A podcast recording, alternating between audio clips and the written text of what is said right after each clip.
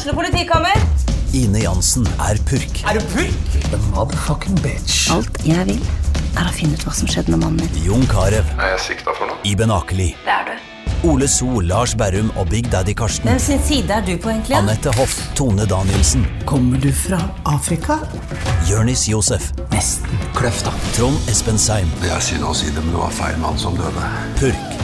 Premiere tirsdag på TV2 Play. Hei, og velkommen til en ny episode av Debrif med Dag Sørås.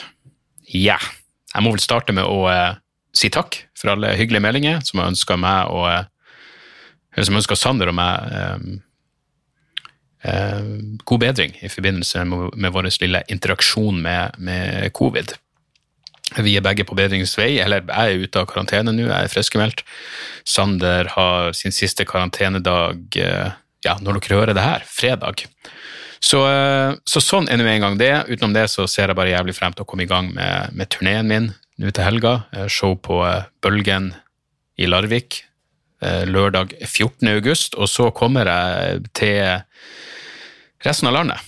Fra, fra ja, hva blir det nordligste? Fra Alta til Eller kanskje hva er det nordligste Alta? Vadsø? Jeg er faen ikke helt sikker. Uansett, jeg kommer fra Finnmark til, eh, til Kristiansand og alt innimellom der.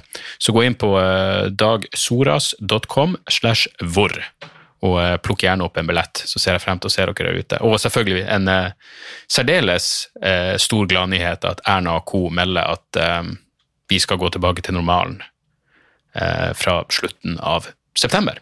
Nydelig, nydelig, nydelig.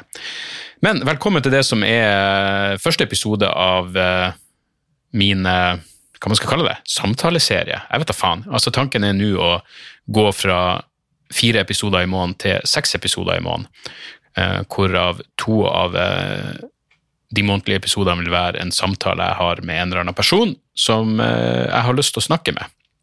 Og først ut er Dag Hareide. En mann jeg aldri hadde hilsa på før. Eh, Men jeg hadde lest boka hans som heter 'Menneske og teknomaktene'. Hva gjør de nye teknologiene med oss?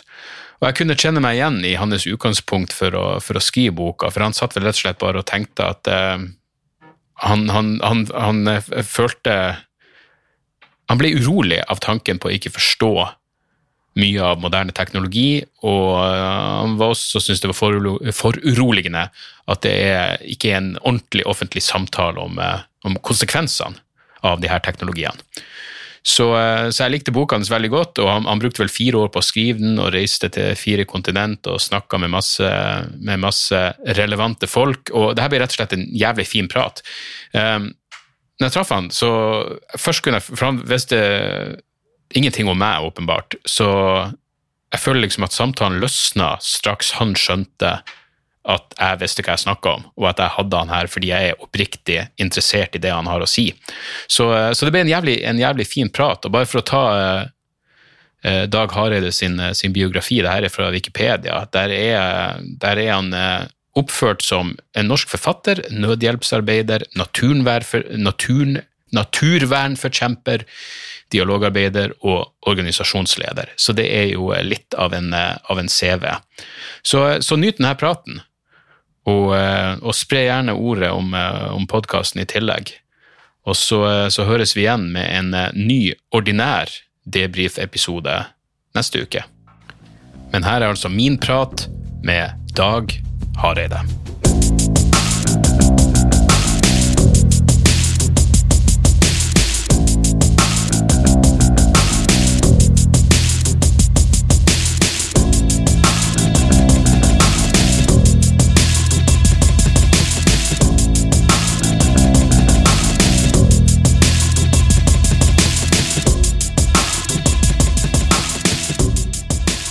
Da må jeg bare starte med å ønske deg velkommen, Dag. Vi er jo eh, fornavnsbrødre. Ja. Så hvordan var det å vokse opp med det navnet? Ble du erta for det på noe tidspunkt? Nei, sånn eh, God dag, Dag, sier Ja. tanten og lo. Ja. Det var jo hyggelig. Ja. Fikk du eh, spørsmål om du hadde en bror som heter Natt? Det var den som gikk igjen mest hos meg. meg. ja. Ja. Nei. Det var mer spørsmål om jeg var helligdag eller hverdag. Aha, akkurat. Hva ville du valgt? Ja, jeg ville gå for helligdag, tror jeg. Ja, okay. Det høres bare litt mer, litt mer eksklusivt ut. Men eh, da vi planla denne eh, samtalen, så sa du at du ikke ville ha det altfor tidlig fordi du er eh, glad i en lang frokost, så jeg håper, du, jeg håper du har fått deg det. Ja. Ja, ja, men det er godt. Det er vel kanskje, for, for du nevner jo så vidt, du sier det på en finurlig måte, men du er jo pensjonist nå. Ja, Ja, er det. trives med det. Ja da. Altså, du kan si De første fire årene av den pensjonisttilværelsen ble det jo en jobb da, med å skrive denne boka. Yes. Altså, det, for det var jo egentlig en jobb. ja. Ja. ja, boka er jo eh, mennesket og teknomaktene. Hva gjør de nye teknologiene med oss? Eh, som jeg likte, eh, likte svært bra, og det er jo liksom grunnen til at jeg, til at jeg inviterte deg hit, fordi jeg føler um, Ja, det, det er litt sånn eh, jeg, jeg føler at det er tema som det er lite relativt lite debatt om, og som også er, til tross for at alle er så interessert i teknologi, så virker det som det nesten det er, så, det, er så, det er et så stort tema, og det blir nesten, det blir nesten abstrakt, selv for meg som, liksom er, som er interessert i det. Men jeg syns du har samla mange tanker og tråder på en, eh, på, på en måte som eh, ja, så Gud og hvermannsen faktisk kan, eh, kan si, sette seg inn i og forstå. Men jeg vil starte der du starter boka, for du, eh, du begynner i, i Kina. Og det er jo sikkert mange som har, som har hørt om det sosiale kredittsystemet deres. Kan ikke du fortelle litt om, eh, om det? Ja, altså Kina har jo alltid drevet overvåkning. Altså, det toppet seg jo under Mao, eh, og har fortsatt på forskjellige måter med en politisk overvåkning, som utføres både av kommunistpartiet og statlige apparater. Men det som har kommet i tillegg, er jo en slags sånn kapitalistisk overvåkning. Da. Og da vi opplever her kanskje vel så effektiv, fordi det er ikke så mye grenser på den. Og disse største selskapene deres, som Alibaba og Tencent, de har full oversikt over eh, hva du har kjøpt, altså hvem du har kontakt med, hvor du har reist osv. Fordi de har sånne superapper eh, som, som funker, håndterer hverdagslivet. Eh, Det er veldig mange amerikanere som er misunnelige på de su- superappene i Kina. Ja, akkurat. Altså, da snakker jeg om eh, Silicon Valley-folka. Ja. Fordi de, de, de fanger inn så veldig mye. Så det kommer på en måte i tillegg, da. Og, og så har du fått da en god del sånne forsøk eh, lokalt som eh, drives av kommunale myndigheter, som på en måte går på å prøve å, å liksom sette en del sånne regler. Ikke gå på rødt lys, eh, behandle dine foreldre pent. Det står faktisk i Grunnloven at man skal ta vare på sine gamle Oi, sier du det, ja? så det er mye moral i dette, altså sånn konfesiansk moral ved siden av politisk styring. da, Ja. som, så de, Noen steder, og der har de mange forsøk da, hvor de gir folk poeng ikke sant, Mm. etter hvordan det er. Og Det samme fins f.eks. hos Alibaba. Du får så og så mange poeng etter eh, Blant annet har du mye fattige venner, så går det ned, ikke sant. Så husk på det. Mm. Ja. og, og, og når du kommer på et visst stadium, så kan du f.eks. få visa til Singapore, som da har valgt å bruke det systemet. Eller du kan få lån, du kan lettere kjøpe hus, du kan komme inn på finere sånn. Så det er en ja, det er en måte å rangere folk på, da, som fungerer både i forhold til markedskreftene og i forhold til statlig styring. Ja, for du kaller det vel eh, et paternalistisk rangeringssystem. Men Ja. det virker som du jeg mener på samme måte, Det er noe så maoistisk over det her, den ideen om at det, det er akkurat som du skal forme mennesket på nytt igjen. Eh, Og så tror jeg på en måte at eh, du har, altså, du har ikke noe demokratisk system. altså Det, det er jo, altså det fins demokratiske ytringer, altså protestbevegelser i massevis, mm. streiker, eh, alt sånt. Men du kan si i et demokratisk system så får du på en måte en slags tilbakemelding, ikke sant. Eh, I, I en fri presse, mer eller mindre, og i valg og sånne type ting. Det får jo ikke president Xi. Men det kan jo hende at han da prøver å erstatte det med en sånn fullstendig overvåkning. ikke sant? Ja. Altså At han veit hva folka gjør og hva de står for og alt sånt, fordi han trenger jo det. Altså Disse gamle kongene de kledde seg ut i filler og gikk ut på gata for å finne ut hva som skjedde, fordi sånne folk som står på toppen, de får jo aldri vite det. Der er alt nymalt når de kommer rundt omkring. ikke sant? Så, det, så det, det er en sånn virkning både en form for kontrollsystem, eh, i, som er da fullstendig sånn teknofisert. Det er jo ingeniører, omtrent alle lederne i, i Kina. Og samtidig litt av den gamle konfusianske moralen og kommunistiske. mm. Ja, så er det jo viktig å understreke at hvis du får eh, en lav score, så kan du liksom, da kan du bli nekta å kjøpe togbilletter, f.eks. Ja, i hvert fall på hurtigtogene. Ja, akkurat. altså det er, de lager noe sånne skill. Du kan ikke fly og kjøre hurtigtog, men du kan kanskje kjøre somletog. Ja, ok. ja, nei, altså det høres jo Det er jo da man virkelig skjønner at når folk prater om at de, de rene dystopiene som Orwell og Huxley eh, eh, konstruerte, egentlig bleikner i forhold til det som i hvert fall i, i, i teorien er mulig. Men samtidig var da konklusjonen for meg, eh, som jeg diskuterte med en del kamerater da, i Kina, som, eh, som jeg var sammen med der, og, at uh, i grunnen så er vi ikke så mye dårligere i den overvåkningen i Vesten. Nei, Nei vi har i hvert fall kapasiteten. Ja, vi har kapasiteten, og det gjennomføres i hvert fall markedskreftene. Og du har også statlige overvåkningssystemer som er supereffektive, særlig i USA. Uh, og, og, men forskjellen er ikke der. Altså, vi blir like mye overvåket. Forskjellen er at vi har kontrollsystemer. ikke sant? Mm. Vi har demokratiske valg, vi har en fri presse, vi har institusjoner som kan datatilsyn, andre ting som kan påpeke dette. Og etter hvert har vi også, særlig i EU, fått regler hvor vi faktisk har fått rettigheter i forhold til dette. Som rett til å bli slettet, rett til å vite hva de vet om deg og en del sånne ting. Så det er de, alle de der demokratiske institusjonene som gjør forskjellen. Ja. Overvåkningen er like effektiv her som i Kina. Og det, det, underbygger jo bare hvor viktig det er å faktisk bevare de her institusjonene. Ja. Men eh, man kan jo lese, og du påpekte også at, at, folk i Kina i det store og hele ser ut til å støtte det, men jeg lurer på hvor mye man egentlig kan legge i det? Ja, ja hvordan er det i Norge da? Altså, altså hva, hva, tenker vi om det mobiltelefonen gjør med oss? At, at, at, Google og Facebook vet hvor vi er og, og hva vi føler og tenker, og hvem som er vennene våre og alt sånt? Ja, Nei, altså Hvis Erna gikk ut og foreslo det her kredittsystemet og, og, påpekte liksom eh, de positive aspektene, så, så, tør jeg ikke å tenke på det. Altså Det er jo som jeg som, som innbitt eh, antimonarkist bare må innse at et, et flertall av befolkninga vil bevare kongehuset, og sånn er det bare. Ja. Så det, det, det, er en fare der òg, men, men, men, hvor mye tror du det her har med så, så, Hvor mye tror du det har med liksom, kinesisk kultur å gjøre, som visstnok er litt mer kollektivistisk? alt det der, eh, Eller er det rett og slett det at de har ikke hatt noe valg i prosessen? Altså, det lille jeg, prøver, altså jeg har store vanskeligheter med å forstå Kina, så jeg skal ikke late som det, men, men når jeg da prøver å lese folk som antagelig forstår en god del, så mener de jo at kineserne reagerer på overvåkning. Altså de reagerer på det ikke å ha et privatliv, mm. ikke å ha personvern. Det er, det er, jo en av de fundamentale menneskerettighetene i menneskerettighetserklæringen, som for så vidt Kina også har undertegnet. Så, så, de har den siden ved det, men så er det da en sånn Hvor mye skal du gi for å få ting effektivt? Det er jo f.eks. Ja.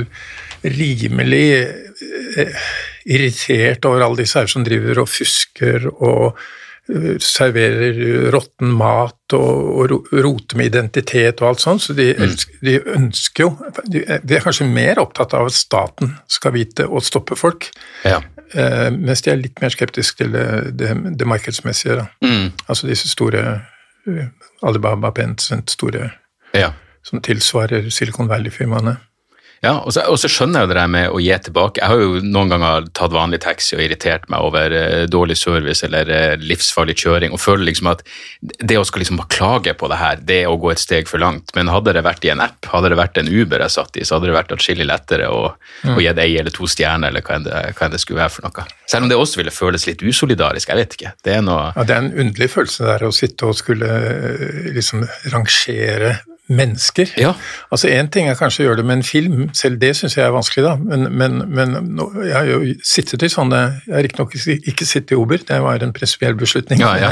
jeg jeg sitter i tilsvarende eh, taxier i flere land, og det er vanskelig, altså. Mm. Ja. Altså fordi du bestemmer, La oss si Etiopia, for eksempel, hvor jeg satt i en sånn taxi. Jeg bestemte nærmest framtida til den uh, sjåføren. Nettopp. Fikk han litt under, så ble han sagt opp. Mm. Så det er, ja. ja, nei, jeg tror det er derfor jeg har litt sånn, eh, sånn ambivalent forhold til den tipskulturen også. Ja. for det føles som jeg må bedømme ja. kelneren eller når jeg er i USA på en måte som, som jeg ikke må her. Eh, men, eh, men eh, bare for å runde av Kina, da, tror du, hvordan tror du hadde dette systemet noe påvirkning på at de håndterte koronapandemien tilsynelatende bra? De gikk jo ganske hardhendt til verks. Jeg tror ikke noe av de digitale greiene var særlig effektivt. Det er overraskende ineffektivt i nesten alle land, eh, mm. disse her appene som du fikk og sånn. Muligens kan de bli bedre i neste runde, men, eh, Nei, det er deres hardhendte kontroll, altså, ikke sant. Eh, med, med helikopter i lufta og Ja. ja. De hadde jo droner, da. Det er jo en ny teknologi Ja. som identifiserte folk og ba dem gå hjem og sånn. Så ja, noe av teknologien, men først og fremst deres egen tradisjon for hardhendt eh, behandling. Men samtidig er det jo ikke bare Kina, men du ser jo land som Taiwan f.eks., som er et demokratisk land. Mm. Mer demokratisk enn Sør-Korea f.eks., og mer enn en, en Singapore. Som eh, kanskje fram til nå skjer et eller annet, men har jo håndtert det fantastisk Ja. på en demokratisk måte. Mm. Men de har også erfaringer med, med helt andre erfaringer med sånne epidemier og pandemier enn det vi har. Mm. Og, og har innarbeidet systemer. Vi, var jo, vi manglet jo beredskap. Mm. Ja, så, ja så, så til de grader. eh. Ja, nei, altså det her blir jo ja, bare denne, denne situasjonen har jo virkelig Jeg hadde aldri tenkt over det faktum at vi har tillit til myndighetene her til lands. Det har liksom aldri vært noe som jeg har reflektert over, og jeg kunne sikkert sett begge sider av, av saken når det kommer til akkurat det, men i, i, i dette tilfellet så har det tydeligvis tjent oss godt. Ja, Vi har ikke kommet dårlig ut av det sammenlignet med omtrent alle andre land i verden. Nei. Det er noen som har greid seg bedre enn oss, f.eks. Taiwan. Eh, særlig disse øyene, da. Island og Taiwan og New Zealand. Mm. Men så var det jo Det var jo en interessant debatt om eh, den, i hvert fall den første smittestopp-appen. Eh, Den husker jeg var veldig kritisk til. Men igjen, jeg lurer på om jeg bare kom inn i ekkokammer, hvor jeg var på Twitter med folk som, eh, som si, var enig med meg at denne appen var problematisk. Men det er klart, det er vanskelig å vite om, om få lasta den ned fordi de trodde den var ineffektiv, eller fordi de hadde noen personverntanker i bakhodet. Ja, det var åpenbare personvernargumenter, altså at, Ja. at myndighetene skulle kunne følge deg hvor du går, ikke sant. Mm. Uh, uh, som enkeltindivid. Altså som gruppe gjør de jo det, via Telenor, ikke sant. Altså sånn. Men, uh, men så jeg hadde klare innsigelser på det. Jeg mente at dette burde kunne gjøres bedre, og faktisk det som var litt komisk, da, var at eh, at eh, Google og Apple Ja, kom opp gikk med en bedre løsning Ja. som hadde, en bedre personvern. Eh, selv om de da antagelig harver inn informasjon, kanskje. Men det andre var jo at, at du, det er sånne systemer hvor du får masse falske positiver. ikke sant? Ja. Altså, du, ja, ja, du sitter to meter fra en fyr, men det er faktisk en vegg imellom. ikke sant? Altså, det, det er mange sånne ting som, som, eh, som gjør har gjort at disse, disse digitale løsningene har vært skuffende Mm. hvis du oppsummerer altså eh, pandemien. Og, og, og det henger igjen sammen med at vi har en slags sånn teknologiovertro. Altså Det er noen folk som får stjerner i øynene med en gang det er teknologisk. Ja, ja. Og så tenker man ikke gjennom, sånn nøye gjennom hva er dette, er det, forteller det faktisk hva som skjer, eller vil de gi falske meldinger osv. Mm. For det var, det, det var åpenbare problemer. ja. Effektiviteten, rett og slett.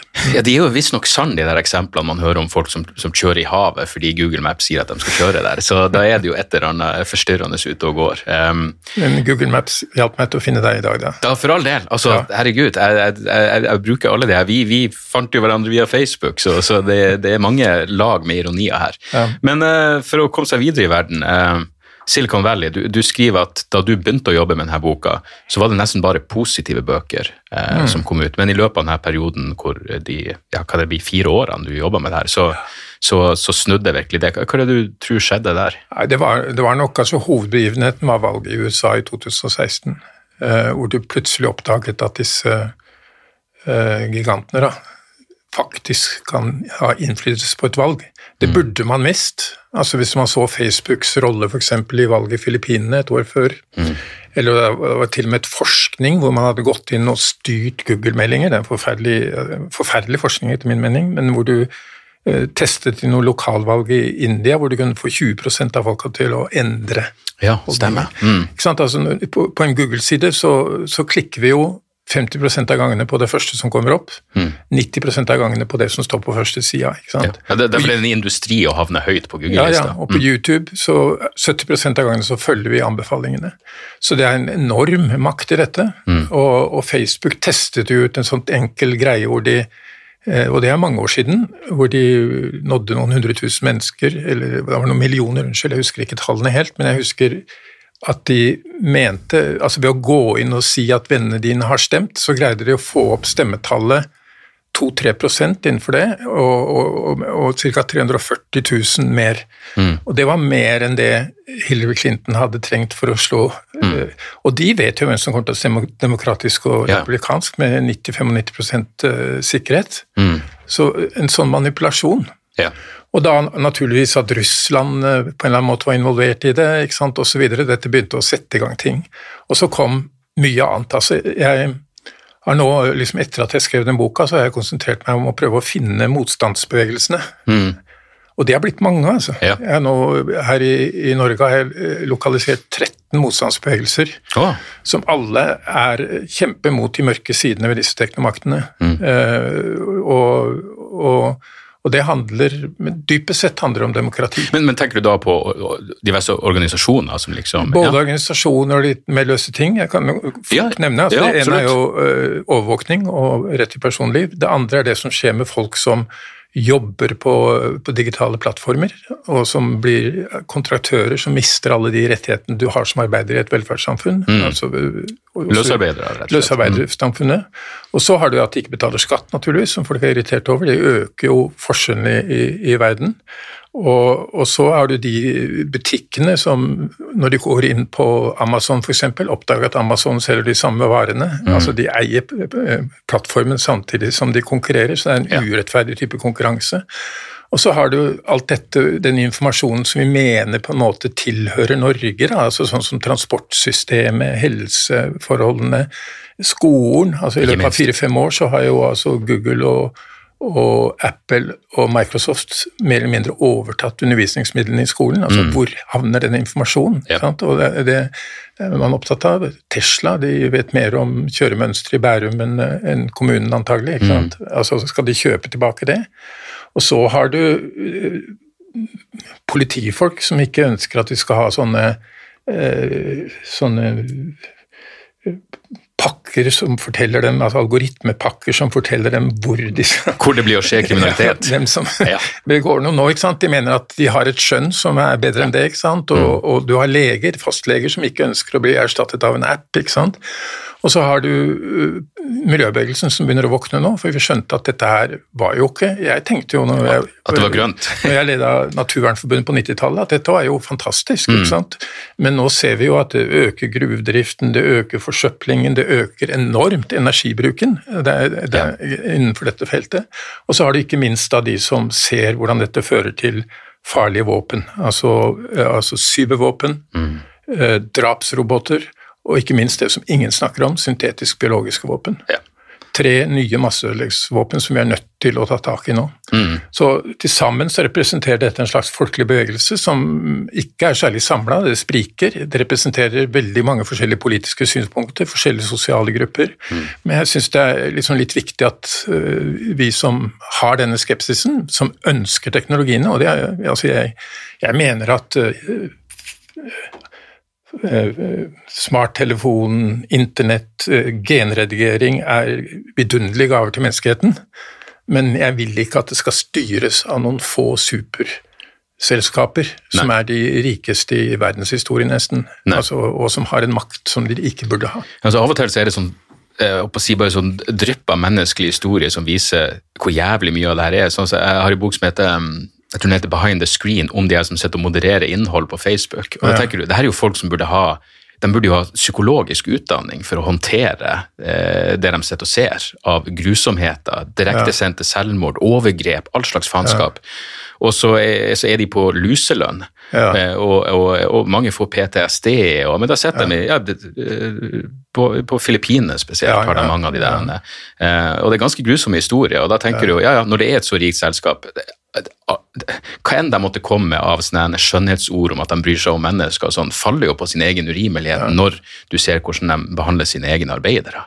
Ja, eller Amazon i sine ja. samlingssentre. Og på den annen side så har du jo de høyest lønte ansatte i, nesten i verden, vil jeg tro. Ja. Som også, som, mange av dem er gode psykologer, ja.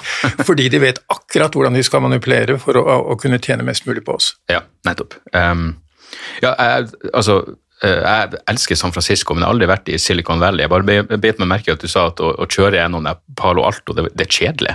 kjedelig ja, det var kjedelig. Det var flatt. Altså, det er jo en typisk norsk eh, reaksjon, da. Ja, ja. Men jeg, jeg elsker jo San Francisco. Jeg Ja. syns det er en fantastisk by. Eh, Men eh, nei, det var flatt, og det var sånn eh, veldig sånn lukket på en måte. Sånne svære villaer og så noen sånne latinamerikanske hushjelper som gikk, og eh, ellers ingen som gikk. Eh, Altså, man kjørte. Eh, Så det var min opplevelse, da. Det er mulig at folk som har vært her lenger, greier å få andre opplevelser ut av det. Ja. Sånn. Og så er jo disse borgene ganske uinntagelige. Altså det å Altså jeg snakket med toppfolk i, i, eh, i eh, militæret i USA, altså ledere i den teknologiske utviklingen, men jeg kom jo aldri inn på toppene i Silicon Valley. Altså, De er mer jeg hemmelighetsfulle. snakka med én i, i Google som, som var høyt oppe, altså en, egentlig helt oppe, men, og det var under forutsetning at jeg ikke skulle fortelle hva han eller hun het, Mm. ikke engang kjønn, og ikke si noe om intervjuet. Så det var det, så langt jeg nådde. Men det var mange nok som snakka rundt det, da, og som hadde masse erfaring, og det er mange som har hoppet av, ikke minst. Ja, ja. Veldig mange varslere, og det begynte jo da i 2016-2017 særlig, og så har det jo blitt en hel nesten hva skal vi si, industri, med antall bøker og organisasjoner som ønsker å ta et oppgjør med dette her. Altså, så det, vi er inne i oppgjørets tid, og, Ja. og ikke minst eh, de som da sitter med kanskje sånn statlig makt her, nemlig altså Washington og Brussel, er virkelig på nå. Altså, de, de, de vil bryte opp selskapene, de vil kontrollere dem, de skjønner at her er det en makt som ikke kan forsvares. Altså, de har jo i 19 øh, Hva blir det 19, nei, 2019 så tjente de fem største, altså som er verdens mest verdifulle, eh, Amazon, Microsoft, Apple, Google og Facebook, ja. Mm. 2000 milliarder dollar. Det er et tall som sier folk veldig lite, men det tilsvarer alle selskaper i Norden, deres aksjeverdi. Året etter tjente de enda mer, altså koronaåret, 2400 milliarder dollar.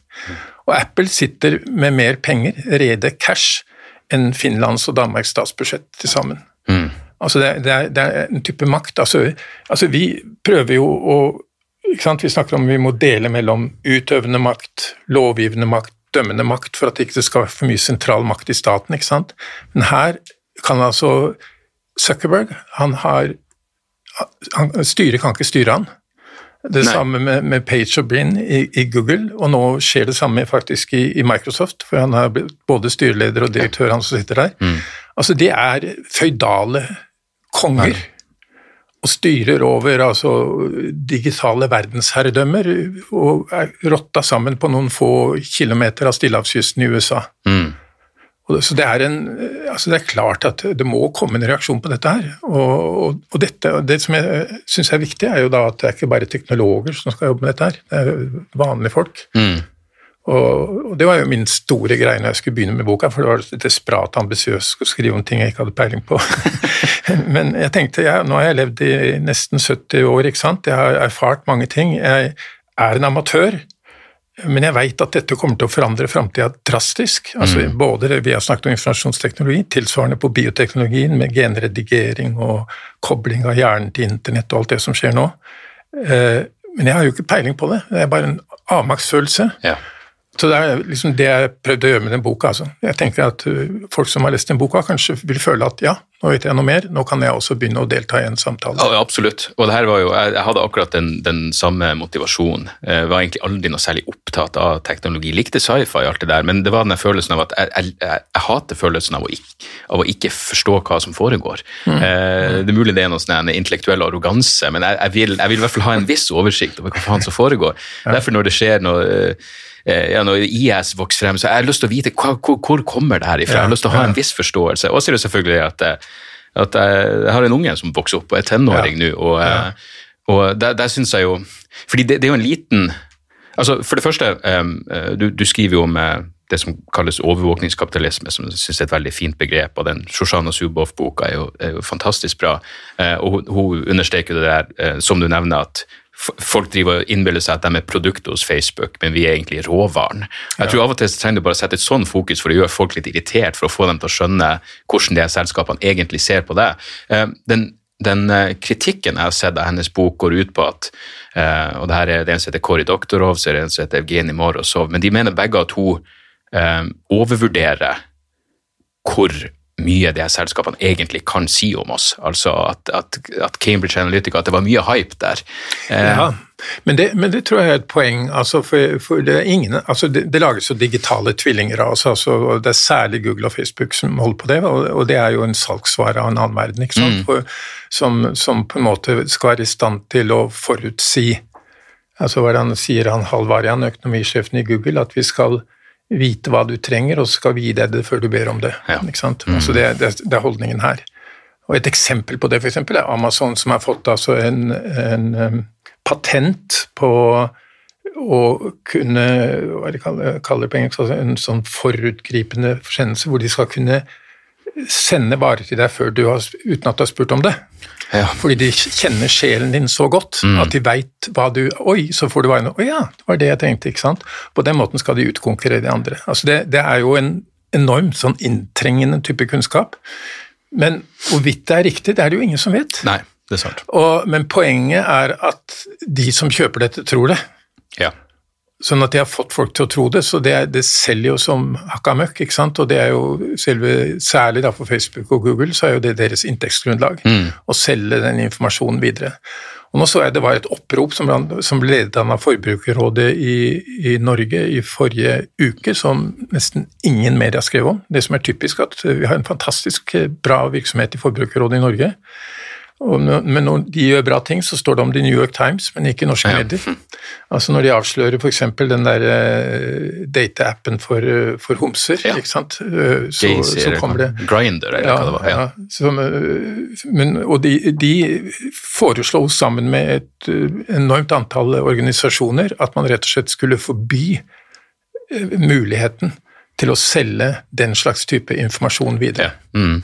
Hvis du får en sånn lov, så har du ødelagt hele forretningsmodellen, og det tror jeg egentlig det vi må gjøre. Mm. Altså, man må ikke få en type kapitalisme som baserer seg på overvåkning Nei.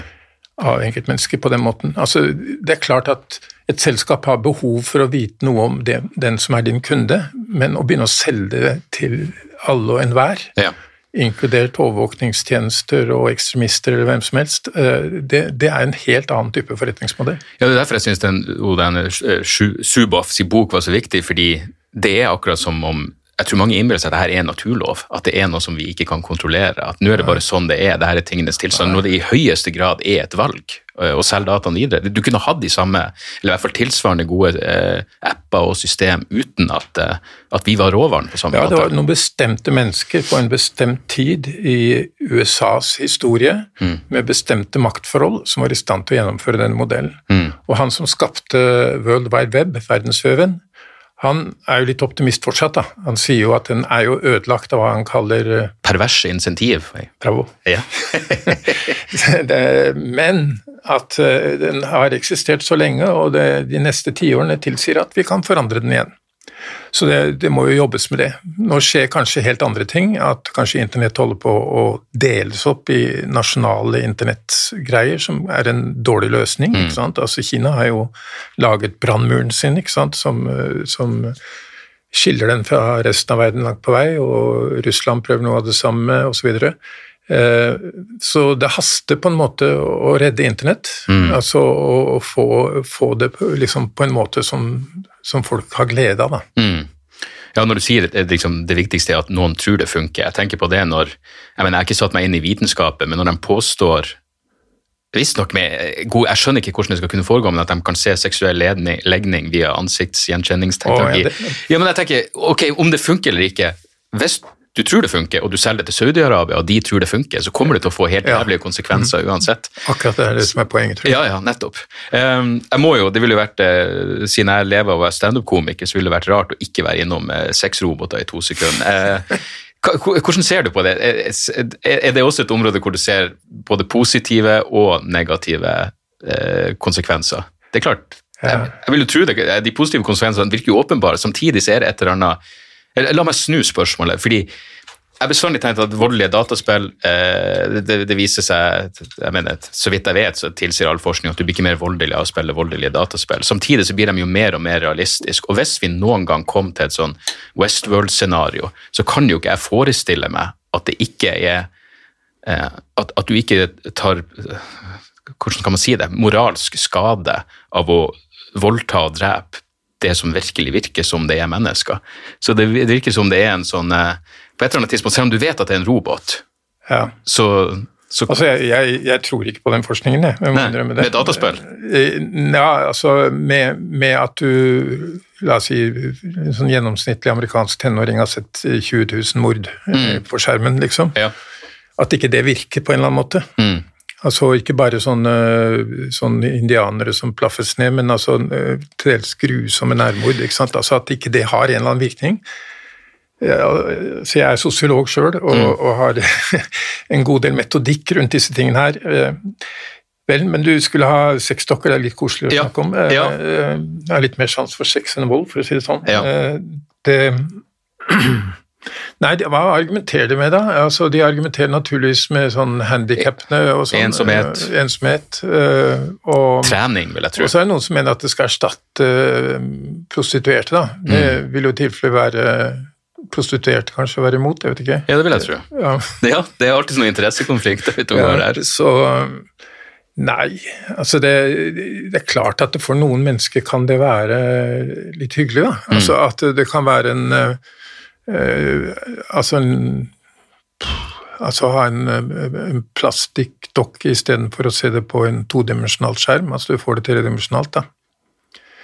Eh, som en form for avansert onani, eller et eller annet sånt. Mm. Eh, men jeg, jeg, tror jo det liksom ligger altså De fleste som kommenterer dette, og det er min sånn umiddelbare reaksjon, at, at det er jo noe litt sånn fornedrende ved det.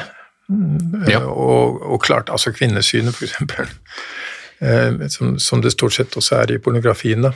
Jo, men det, jeg tenker, jeg, får et sånn eh, Jeg får ikke det rette objektive synet. fordi jeg, Hvis jeg skulle se for meg at jeg hadde robotsexdukke, så, så ser jeg for meg at jeg nå som 43 år gammel mann får det, eh, og tror at jeg ikke ville tatt noe, noe mental skade av det. Men det er klart, hvis det var normalen fra jeg var 13 år gammel, så er det jo veldig vanskelig å forutse hvilke konsekvenser det får.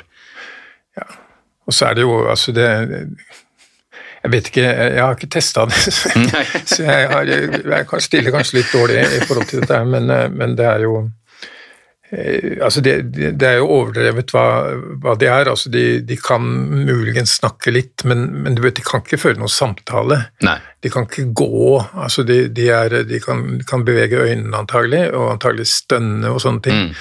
Men, men, altså, det er jo Jeg vet ikke. Det er langt unna ekte vare foreløpig. Ja. Jeg, jeg, tror Jeg vet ikke, altså Jeg har mer erfaring med sånn todimensjonal pornografi, da. Mm. Og da handler det jo Altså, jeg syns det er jo svært tomt, men, men, det handler jo på en eller annen måte om den fantasien du eventuelt greier å skape inni deg sjøl, da. Mm. Ja.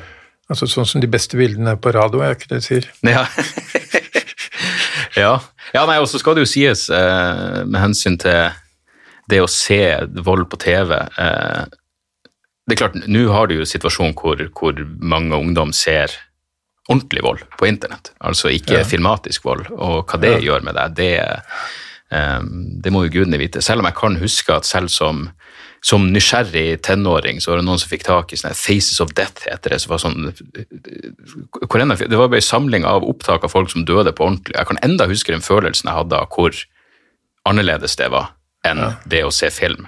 Fortsatt kunne se stor underholdningsverdi i voldelige filmer, men, men selv som relativt ung så, så, så er det virkelig noe, noe, helt annet å se på ordentlige mennesker bli skada. Men, ja. men, det er klart.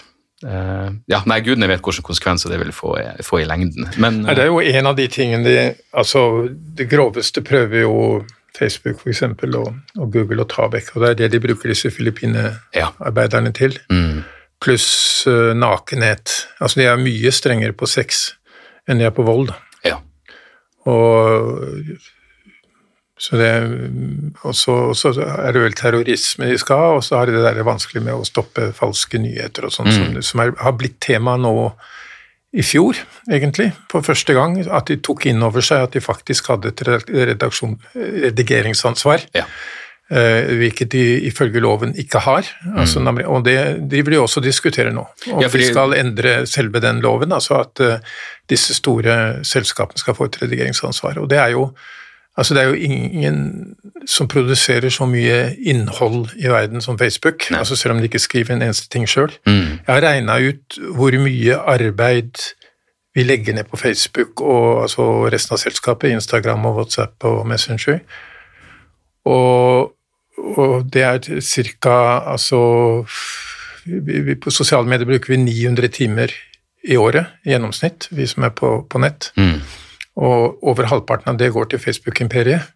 Det betyr at eh, Zuckerberg har ansatt én milliard mennesker. Han er verdens største arbeidsgiver, men han betaler oss ikke et øre Ja, for å lage det innholdet. Det er en veldig sånn rar situasjon. ja, nei, det er helt sinnssykt. Altså at eh, På en måte er det et slags demokrati, da. ikke sant? I det at vi samtidig deltar, men så er det noen som sitter og styrer algoritmen og, og hvordan, som vi aldri vet, hva som styrer hvordan vi får hva, osv. Og, og, og eh, som, som bestemmer også hva som skal ut.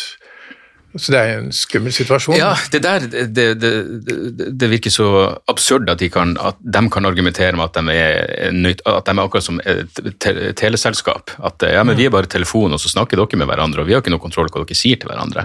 Men det, det dekker jo over det faktumet at de faktisk prøver å styre folk i visse retninger. Jeg husker jeg tenkte det i forbindelse med, med, med valget i USA også, at jeg visste ikke at de lager liksom så spesifiserte reklame at Trump hadde en masse valgvideoer som ingen andre så enn de som var spesifikt innenfor ei gruppe. Hvis du er pro Trump, men sterkt antiabort, så kunne de lage en egen reklame kun eh, spissa ja. mot de. hvis du, for eksempel, det var eksempler på det at, at noen fikk eh, reklame på at Trump støttet homosaken, Ja. andre at han var kraftig imot, men det bare gikk til forskjellige grupper, slik at de ikke oppdaget det. Ja. Det som, det Og det kan er- godt hende det var sant i utgangspunktet, at han både støtte av og mot. Ja. Men, men, men forskjellen med telefonsamtalen er jo det at det sitter Altså at, at det er at den samtalen du har, er det en tredjepart som sitter og skal tjene på. Mm. Altså ikke bare for, men altså som, som skal avlytte og hente ut informasjon og tjene på det. Ja. Så det er jo en grunnleggende annen situasjon enn telefonen. Ja. Og pluss at du når millioner eller milliarder samtidig. ikke sant? Mm. Så det er en voldsom spredningseffekt. Ja. Så det er, en, det er noe nytt som vi er nødt til å ta tak i. Ja, noe av det som virkelig gjør meg paranoid, er jo eh, noe du skriver om som er eh, kan de kalle det tingenes internett. At Ja. alt skal kobles på nettet. For det virker som det går så fort frem uten at man engang tenker over det. Ja. Eh, Jeg bare tenkte på det at jeg har ei, ei smartvekt som måler altså det begynner liksom, Den er kobla opp til klokka, og det er kroppsfett. Det er stort sett deprimerende nyheter, men altså det er så sinnssykt personlig informasjon som jeg egentlig bare velvillig gir ifra meg. og og jeg har så lett for å se for meg Ja, vi har ikke et smartkjøleskap ennå, men, men de er jo der ute.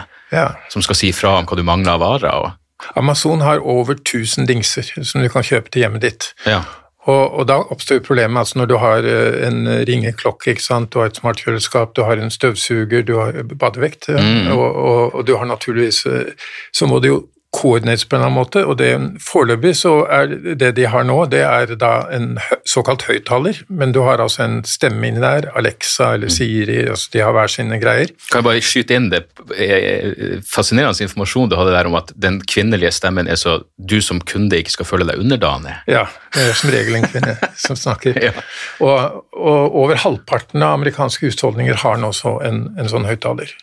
Og, og det er jo flere ting ved det. Altså det, det øker jo usikkerheten. Det er mye lettere å hacke, ikke sant. Eh, men også overvåkningen, da. Altså jeg mener, du skal ha en rettsavkjennelse i en høyere rett i Norge for å få en romovervåkning. Ja. ikke sant? Jeg tror det er en åtte-ti stykker i året eller noe.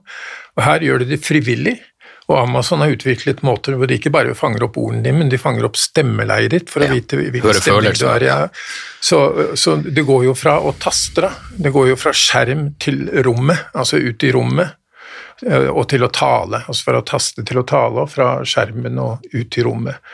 Og smarte hjem, som det heter, og smarte byer med eh, og der er jo én ting som det ser ut som folk tar tak i nå, ansiktsgjenkjenning. Ja, altså eh, San Francisco, forresten, var den første byen som yeah. forbød det. Eh, At eh, det ble forbudt, rett og slett. Men også alle disse sensorene som, som sitter, som jeg tror er enda viktigere, som sitter i asfalten og veggene og rundt omkring, ikke sant, og som, som følger bevegelsene dine. og- Så, så det er klart at det er ikke Du skal ikke tenke på internett som skjerm lenger. Nei. Internett er eh, milliarder av ting Mm. som uh, omgir deg i rommet. altså Rommet blir dynamisk, som Google-sjefen kalte det. Ja. Uh, Så, og det andre som skjer, som jeg syns er enda verre, da, det er at du går inn i kroppen. Mm. Og, og, og Apple-sjefen sier at det viktigste på 2020-tallet, det er helse. Altså de, og alle de fem store, og en rekke andre, investerer nå i helse. Bioteknologi og helse. Mm. Og store oppkjøp. Og, og det er jo klart at der sitter jo mye mer uh, intim informasjon, ikke sant? og det er noe som folk er enormt opptatt av. Helse er jo den nye religionen, på en Mm. måte. Uh, og, og uh, det er derfor jeg har vært opptatt av i boka mi å kombinere, selv om jeg ikke helt greide det, kan du si, men jeg greide i hvert fall liksom fortelle om hva som skjer innen bioteknologi, og koblingen av hjerne til internett, da, for å ta det. Og der er jo etter hvert nesten alle de store inne. Altså Zuckerberg har den ideen at vi, vi starta med liksom å taste på Facebook, og så øh, kom touchscreen, og så kom øh, skal du tale etter hvert, og så skal du tenke rett inn på internett, for det er fem ganger så fort som å tale. Og Ja, han driver med forsøk på det. Det jo Da, da blir jeg glad jeg er over halvveis i livet. Det høres ja, det er en utrolig tanke. Ja. Og han, han, så den derre unggutten der som var milliardær Ja. eh, i 20-årsalderen, 20 år gammel omtrent, eh, han, han liksom bare Det er liksom ukomplisert for han mm. Foreslå noe sånt. Ja, det er en så sinnssyk selvtillit. Og, det, og, og, selv om det var verdens beste, mora, moralsk beste menneske som liksom skulle styre denne typen utvikling, så ville det vært skummelt. Og i hans tilfelle er det jo åpenbart ikke det. Jeg syns det er verre hvis det er moralsk eh, begrunnet. Ja, ja, ja, ja det er egentlig altså, det. Poenget er jo at de fremstiller jo dette som idealistiske drømmer. ikke sant? Mm. Google skal samle all kunnskap i verden og gi det videre.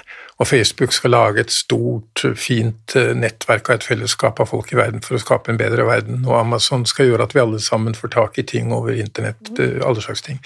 Det er idealistiske drømmer, men det er drømmer som er, har maktmonopol i seg. Altså det er makeløs makt knytta til, til, til sånne drømmer. Og det er nettopp denne blandingen av den gamle hippie-drøm, litt sånn positive greiene, Ja. sammen med en litt sånn rå kapitalisme eh, som de står for, som, som gjør dette så farlig. Ja. Ja, det er sånn, eh, eh, kan det, være, det vel Spotify vil inn på eh, lydbokmarkedet, og da hadde jeg en sånn reklame hvor de, de vil, For å argumentere for at man skal høre på lydbøker, som jeg gjør sjøl, så argumenterte de mot at de skulle frigjøre oss fra papirets tyranni. og Det er, sånn, det er det siste tyranniet vi trenger å frigjøre oss fra. At folk leser papirbøker er fortsatt, er fortsatt viktig.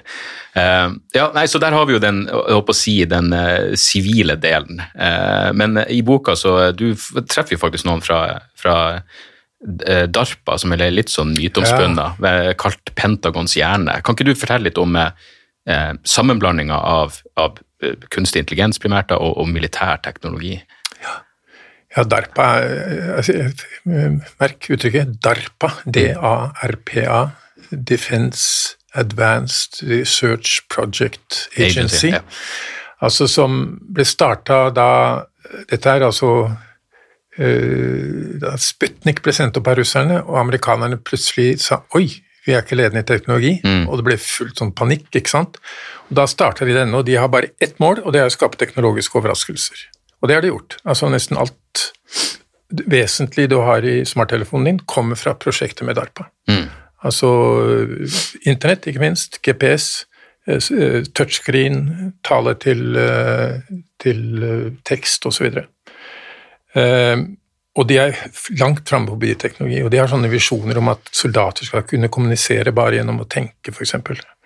Og, og, og de, de, er ikke, de er ikke svære, skjønner du. De er geniale, syns jeg. Altså, de, de samarbeider med omtrent alle store universiteter, med alle teknoorganisasjonene, og skummer inn de skal. Og de jobber med de tingene som skal komme om 30 og 40 år. ikke sant? Ja, De påpeker vel at eh, de private tech-selskapene har mer sånn snever tidshorisont fordi Ja. de er så profittdrevet, men DARPA trenger ikke å tenke på Jeg det. tenker det. Det er skattepengene som har finansiert dette, og det er de, de gjennombruddene der som nå disse store selskapene tjener på. Sånn, eh, så du tror liksom at det var eh, Apple, altså Apple-sjefen eh, som liksom er blitt en sånn genial type, men altså alt han bygde på, var gjort av skattefinansierte militære prosjekter. Men det er jo, det er jo kjekt å, å, å, å, si, ha offentlige utgifter, altså privatisere profitten. Det er et smart system. Nei, Og så er det at alt dette har en dobbel bruk, da. ikke sant? Altså At, at den eh, GPS-en som gjorde at jeg kom, fant deg her i dag, den eh, ble egentlig laget for å bombe presist, ikke sant. Og, og eh, DARPA startet jo f.eks. da også dette med å få autonome kjøretøyer 14-15 år siden, og så når det da var kommet et stykke på vei, så gidder ikke de å jobbe mer. Da overlater de det liksom til andre. Og de har også starta ting i, i, i cyber, og de har starta ting i bioteknologi.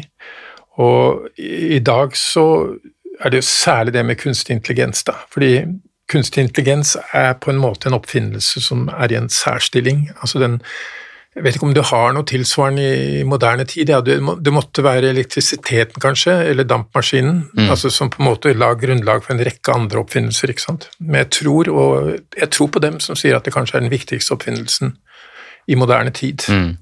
Og kan bli den siste. Ja, og, den, og da er det jo også klart at det kommer til å være helt avgjørende. De sier da de som, at det er den tredje store skiftet i militær teknologi. Da. Først kruttet, og så atombomben, og så kunstig intelligens. Og Putin sier jo at, eh, at de som er ledende i kunstig intelligens, vil eh, herske over verden, sier han. Og det er jo litt problem for han, for han ligger et stykke bak. Eh, Men de er jo kommet langt, f.eks. i autonome kjøretøyer. da. Så, så det er en sånn sammenkobling da, mellom, eh, mellom Som det alltid kunne ha vært, i USA i hvert fall, mm. og også i Kina, mellom, eh, mellom forskningsmiljøene og, og disse store selskapene og militærteknologi. Og, og det som La oss si utvikling av eh, vaksiner, da. Nå er jeg dobbeltvaksinert Ja. Fantastisk, ikke sant? Det er jo den samme teknologien som er i stand til å skape et langt på vei et virus som er verre enn koronaviruset. Og det kan gjøres nå mange steder i verden. Fordi du har fått uh, kunstig intelligens, du har fått en voldsomt gjennombrudd i, i genredigering, du har fått uh, innenfor stamceller, altså uh, også mulighet til å transportere, ikke sant. Du har fått sånn eh, eh, Hva heter det, en sånn eh, printing, eh, Ja, 3D-printing, ja. og så videre. Det er mange typer teknologi som gjør at man nå kan lage biologiske våpen som er langt mer effektive, langt mer farlige, og kanskje det verste, er i stand til å rette det mot bestemte grupper. Ja. Så er det en sånn, en sånn skrekkvisjon, for det finnes jo en eller annen sånn gene som gjør at vi tåler melk, mens de fleste asiater ikke gjør det. Ja.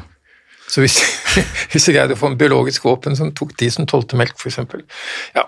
Ja. Nei, men altså, det er noen sånne ting du er nødt til å Du må tenke på det utenkelige Ja. av og til. Og, og, og når det gjelder disse masseødeleggelsesvåpnene, det er særlig disse tre, da, altså kunstig intelligens som særlig gir seg uttrykk i det, det, ja, det går inn overalt i, i, i militæret og vil bli brukt til positive ting også, men, men det kan også brukes til autonome drapsroboter. Og så har du cyberkrigen, som er faktisk den jeg kanskje er minst redd for, ut fra det jeg hittil forstår. Og så har du da syntetisk biologiske våpen. Ja. Særlig det med drapsroboter og syntetisk biologiske våpen, det er vi nødt til å forholde oss til. Og Det er en av de tingene jeg håper at den norske regjering kan ta tak i. Ja, altså hvis man virkelig vil miste nattesøvna, så er jo det syntetisk biologi det må være det, skumleste av alt. Og så blir det sånn, du, du får så tydelige ytterpunkter i potensialet at liksom eh, CRISPR-teknologien og genredigering som virkelig kan brukes til, for, til å gjøre fantastiske ting for å hjelpe mennesker. Den samme teknologien kan liksom brukes til å lage helvete på jord, essensielt. Så um, Ja, sånn er teknologien, altså. Mm. Det, er, det er hele tiden den greien der. Og, og det som er viktig å se, er at vi er i stand til å stoppe en rekke våpen. Mm. Altså, vi har stort sett stoppet biologiske våpen til nå, ikke sant? Vi har nesten ikke opplevd det. Vi har, vi har i all hovedsak stoppet uh, kjemiske våpen selv gjennom verdenskrigen. Og, og vi har stoppet laser som blinder, f.eks., for, eksempel, for det fant man ut hvorfor i all verden skal vi ha det. Mm. Og så har Norge vært ganske konstruktive på landminer og hva det heter igjen, disse ja, uh, klasebombe. Klasebomber, Ja. takk. Uh, Så jeg, jeg tenker at vi må ta tak i det. Altså det, det jeg ser her i alle disse tingene når vi skal ta skyggesiden ved dette, fordi vi ønsker disse teknologiene, ikke sant? vi Ja. ønsker de gode sidene ved det. Selv det å koble hjernen til internett er noe jeg ønsker, fordi det kanskje gjør noe med disse, alle disse vanskelige hjernesykdommene vi har. ikke sant? Eh, Men vi må vitalisere demokratiet. Det betyr at amatører som oss må begynne å uttale oss om dette her. Vi må, selv om vi vet lite, så vet vi hvilket samfunn vi ønsker. Mm. Det er jo like god som teknologer. Og apropos, jeg har intervjuet mer enn 200 teknologer.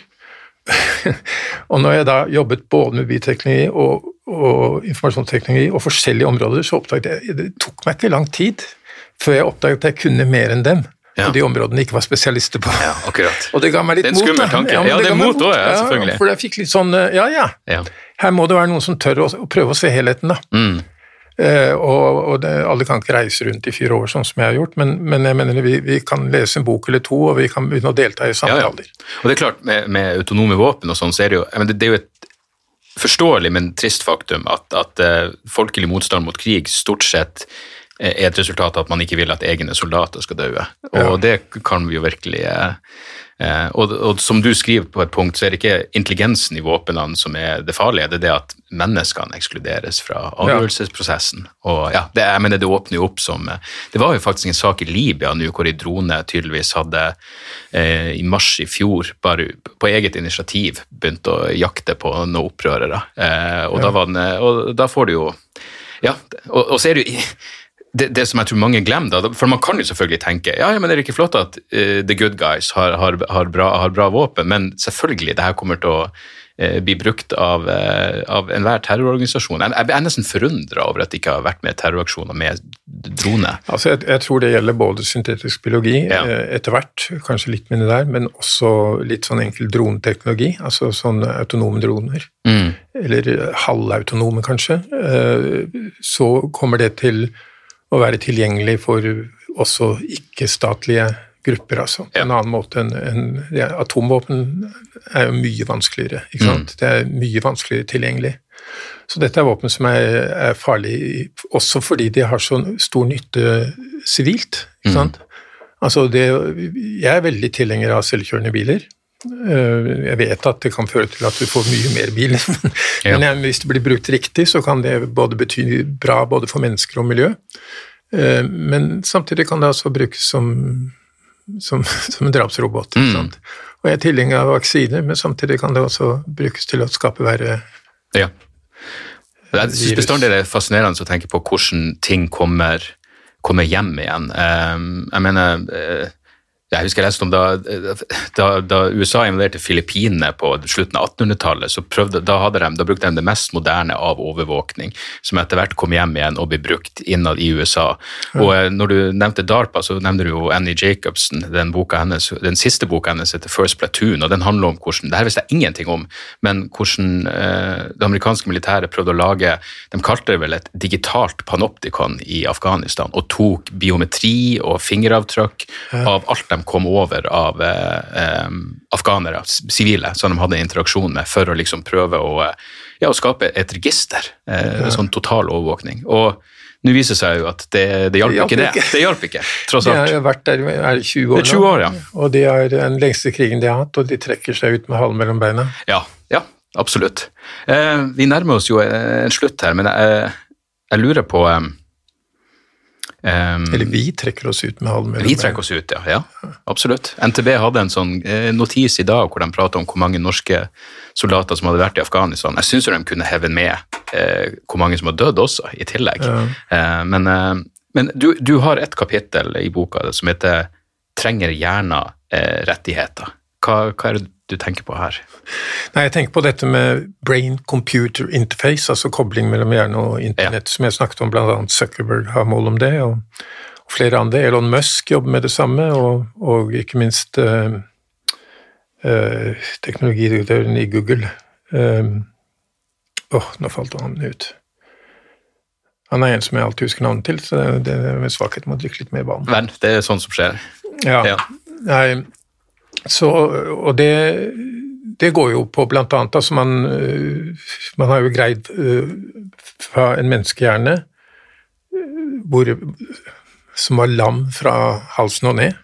Ved hjelp av tankene å styre først en mekanisk hånd, som kunne få mat i munnen etterpå, faktisk å styre egen hånd. Gjennom å lage noen sånne anretninger, sensorer og sånn, i en, en lam hånd. da. Så dette er jo liksom, det er veldig primitivt foreløpig, men det betyr bl.a. at de kan styre en datamaskin med tankene. Så de har jo gått videre med at eh, soldater da styrer droner med tankene. Eh, Og mye av dette henger jo sammen med at kunstig intelligens betyr så mye i militæret, og det er jo bl.a. av eh, altså hastigheten. Altså, ikke sant? Hvis du skal bestemme deg for å skyte, så må du jo først se hva som kommer, og så må du tenke deg om, og så må du beslutte, og så må du trekke på en avtrekker eller trykke på en knapp. Og det er to sekunder altfor lenge. Men hvis du har et kunstig intelligenssystem, så kan det gå på millisekunder. ikke sant? Så da har man tenkt altså, i DARPA og andre steder, altså, de som har ledet dette eh, foreløpig, da, nå de private har kommet inn, eh, det, det er å, å koble hjernen direkte på internett. Og fortrinnsvis for å kunne kommunisere faktisk fra tanke til tanke. Og jeg besøkte bl.a. en av de forskerne på New York-universitetet der, som eh, Columbia-universitetet, som eh, da jobbet med altså Satte det under skallen, da. eh, Foreløpig på aper, skulle gjøre det på mennesker etter hvert. Og jobbet med å endre hukommelsen, faktisk. Wow. Så du kan si at på den ene side så har du da en visjon om å gjøre noe med disse folkesykdommene som det handler om her. Det som kanskje greid minst, altså demens, Alzheimer, slag, ja det begynner vi å bli litt bedre på, hodepine, altså øh, migrene, alle disse her sykdommene. På den annen side så kan du spørre skal vi synge 'Min tanke er fri'? Altså, Ja.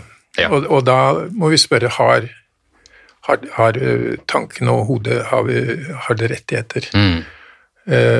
så her er det jo en overvåkning av en helt annen art enn enn det som vi ytrer med en lyd eller på et papir. eh, eller i en, ja.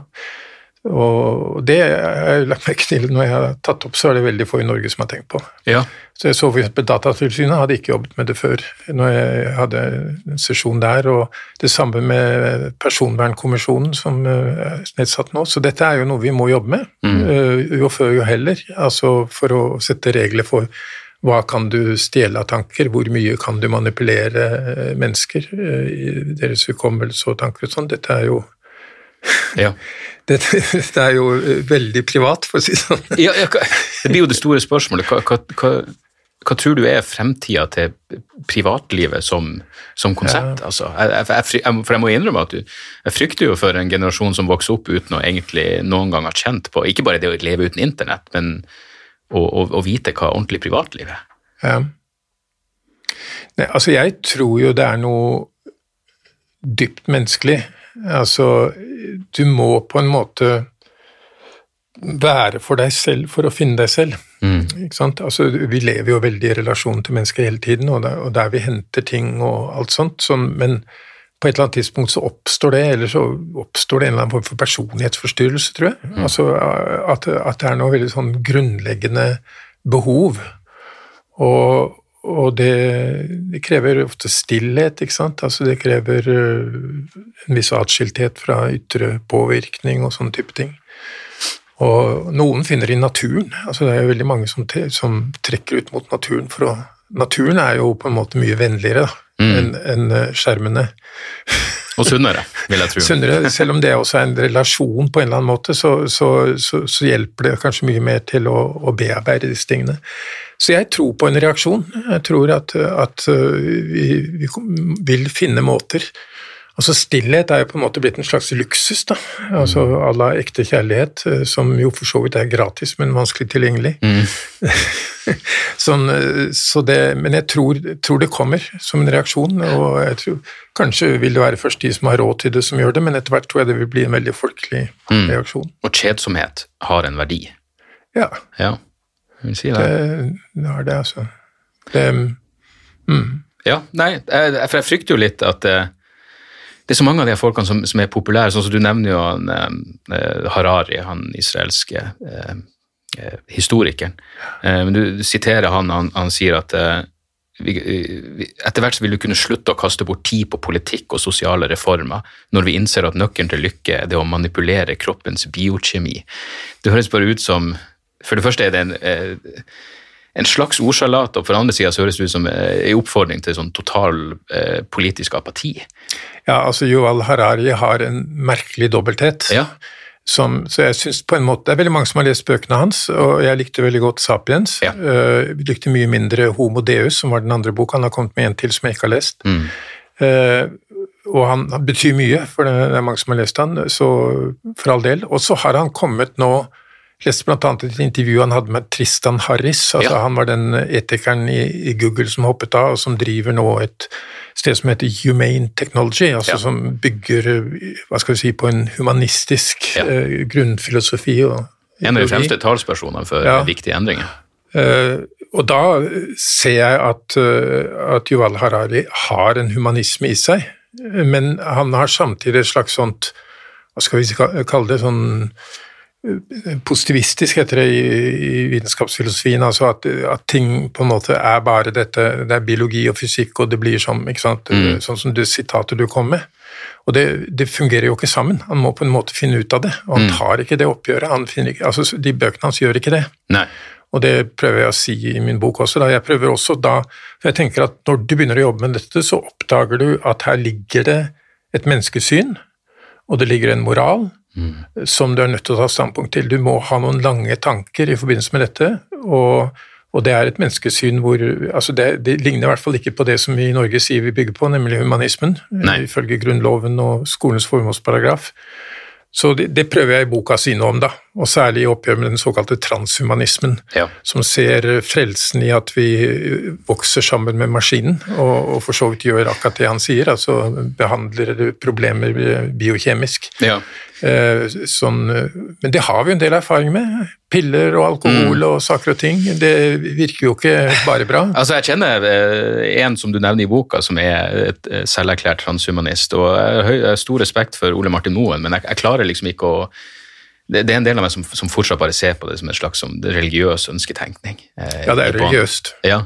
Men det er ikke noe galt med å være religiøs. Nei, det, altså, det, det, det, får bli en eh, separat debatt, men, altså, men jeg tenker på til og med eh, Ray Kurzweil, som er, liksom er Ja, han var den jeg glemte navnet på i stad. Ja, akkurat. Eh, Og han, og han, eh, jeg mener jeg så en dokumentar om han hvor alt som motiverer han til denne ideen om å, eh, liksom et evig liv, og, og, og denne ideen om at, at, å bare se på, på, på aldring og død som et sånn teknisk problem som kan fikses, eh, er vel at han mista faren da han var ung, og han har noen ideer om så, så det liksom, det bare slo meg at han har den mest grunnleggende menneskelige motivasjonen for å prøve å nå en posthuman eh, eh, paradis, eller hva enn det er. Og jeg, jeg mener, Det er vel sikkert en del av meg som, som håper de har rett, og jeg skjønner jo den ideen om blanding av maskin og menneske nesten er uunngåelig, og nesten er der allerede. Men, mm. men allikevel så er det noe det er noe som fatalistisk, det er akkurat som han har gitt opp et eller annet vis. Jeg, jeg, jeg syns jo det at Jeff Bezos skal ut i verdensrommet og Elon Musk vil til Mars, på en måte er veldig bare symbolsk. De stikker av, vet du. Ja. Og, eh, ja, nei, det, det er greit nok, det. Nei, du, jeg, jeg vurderer i hvert fall, eh, jeg tror denne samtalen har inspirert meg til, til å gjøre et nytt forsøk, et nytt ærlig forsøk på en sånn digital detox. Og i hvert fall bare klare et par uker ut. Jeg har ennå ikke klart mer enn ei uke uten å, uten å være på nettet. Eh, og da hadde jeg sånn, jeg kan lese nettaviser, eh, eller den, liksom, Aftenposten og Klassekampen som jeg abonnerer på, den kan jeg lese, men jeg skal ikke være på internett. Og etter ei uke så måtte jeg, måtte jeg gi opp. Men eh, nå må målet være, være to uker i hvert fall. Jeg tror folk må finne noen sånne røde linjer sjøl, Ja. og, og det, det, det hvis de man er noenlunde ærlig med seg sjøl, så oppdager man jo hvor det går. Altså hva det er som skaper tomhet, hva det er som skaper stress, hva det er som skaper visdom. Altså, for informasjon er det uansett nok av, og det er en del kunnskap i, i informasjonen, men det er også veldig lite visdom i kunnskapen. Altså, det er et eller annet med Og da tror jeg at svarene er ganske forskjellige. Altså, jeg har jo venner som har, er ganske avkobla, og som fungerer sosialt. Mm, ja. uten Facebook og det hele, uten smarttelefon. Ja. Eh, Jeg er ikke der. Altså, jeg ønsker å være delvis påkobla, da. Mm. I forhold til det jeg jobber med og sånne ting. Eh, men eh, jeg tror folk må gjøre det, og så tror jeg det er spesielt viktig hva vi gjør med barn, da.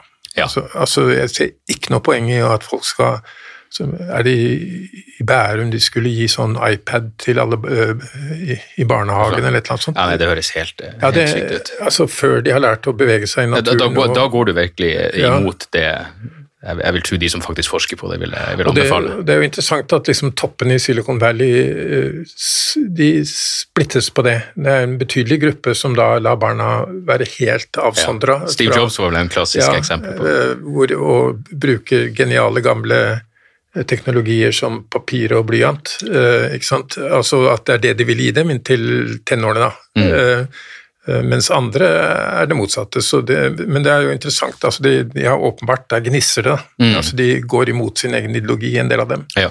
Og jeg syns det er fantastisk at bare telefonen min, uten at jeg kan huske å ha lagt det inn, har den skjermtid-greia som kommer opp, som jeg skammer meg hver gang jeg ser på. For den gjør jo et eller annet. Og så er det jo et eller annet paradoksalt, men også bra at, at, at Netflix nå har hatt to populære dokumentarer. Først om eh, sosiale medier, de mørke sidene ved sosiale medier, eh, The Social Dilemma, og så kom det en nå som, som viser hvordan eh, eh, rasemessige fordommer reproduseres i algoritmer Ja, og sånn. ja. Og de her, man ser jo at, jeg, jeg vet ikke om det er algoritmer som fører til at de her dokumentarene blir lagd, men de er jo åpenbart populære Ja. eh, og når jo ut til folk. Nei, altså det, akkurat det med, med diskriminering av algoritmer er på en måte en videreføring av den menneskelige svakhet, stort sett. Altså det, det fordommer inn, fordommer ut, og det, det, som veldig få har oppdaget, er hvor grunnleggende avhengig algoritmene er av menneskers arbeid. Altså, du, du, altså alt, Når du nå f.eks. skal få selvkjørende biler, så er det så mange titusenvis av folk som sitter og, og, og tagger etter at du har kjørt en tur. Nei, det der var ikke tre, det var en person. ikke sant? ja. Altså, altså fordi grunnleggende så er eh, kunstig intelligensen dum, og det den får vite, det får den vite via mennesker. Og det må bygges opp langsomt, og så må det korrigeres underveis. ikke sant? Så, så derfor har det jo slått ut, da, særlig i USA på dette med rase og på kjønn, at, at den har vært eh, prinsipielt diskriminerende, f.eks. opptak av arbeidere i Amazonas, eh, Amazon, ikke Amazon, men Amazon og, og diverse sånn andre, f.eks. ansiktsgjenkjenning eh, er bra på hvite, men ikke på svarte, osv. Så, videre. så, så, det, så den, det som da er feil, er at man tror at algoritmene er eh, sanne. At de ikke er menneskeskapt. Ja, At de ikke er menneskeskapt, og at de ikke inneholder de samme feilene som vi, som, som vi har. Det, det er det som er feil. Ja. Og jeg, jeg føler fortsatt at hver gang jeg må trykke inn eh, trykk på de firkantene som har en bil, det føles som jeg jobber gratis for Google. Da. Jeg vet ikke om det er sant, men det må da være en grunn eh, utover det at de skal kunne Det, det virker som de måtte ha en lettere måte å kunne verifisere at jeg er et menneske på, enn at jeg må trykke på fem forskjellige Jo, men de bilder. greier å få milliarder til å gjøre det på den Ja. måten. Vet du. Det er smart. det er smart. Du, eh, Dag Hareide, boka er 'Menneske og teknomaktene'. Hva gjør de nye teknologiene med oss? Takk for eh, praten. Ja, i like måte. Ja. Ja, ja, kjekt. Yes. Moderne media. Da er det reklametid, og ukens annonsør er fiken. Hør her, jeg, jeg, jeg, avskyr ordet regnskap. Ordet regnskap eh, gir meg assosiasjoner som er uhyggelige. Det får meg til å tenke på andre uhyggelige ord som ettersyn og underlivsundersøkelse. Men regnskap er et nødvendig onde, og fiken er et så enkelt regnskapsprogram at selv jeg kan klare å ha kontroll på finansene hvis jeg bruker det. Eh, Du kan registrere kjøpene dine bare med å ta et bilde av kvitteringa med appen, og så kan du bare hive, hive kvitteringen. Hvor nydelig kan det bli? Og Fiken forholder seg også til regnskap med overkommelige ord. Det er ikke masse overkomplisert økonomisk terminologi. De kaller det kjøp og salg i stedet for hva enn de kaller det på BI. Og du kan, eh, du kan få fiken til å sende purringen dine, sånn at du slipper å gjøre det sjøl. Slipper du de flaue øyeblikkene hvor du må skrive 'unnskyld meg, men det står noe utestående her, kan du fikse det fortest mulig', må jeg sende, må sende mafiaen etter deg? Nei, fiken fikser det så kan du skylde på algoritmene. Du slipper dårlig stemning. Jeg syns det er utrolig greit å slippe å styre med sånne ting sjøl, og nå kan du prøve fiken gratis i 30 dager. Hva, hva har du å tape? Bokstavelig talt ingen verdens ting. Så gå inn på fiken.no og prøv fiken gratis i 30 dager. Ok? Det var det så vanskelig.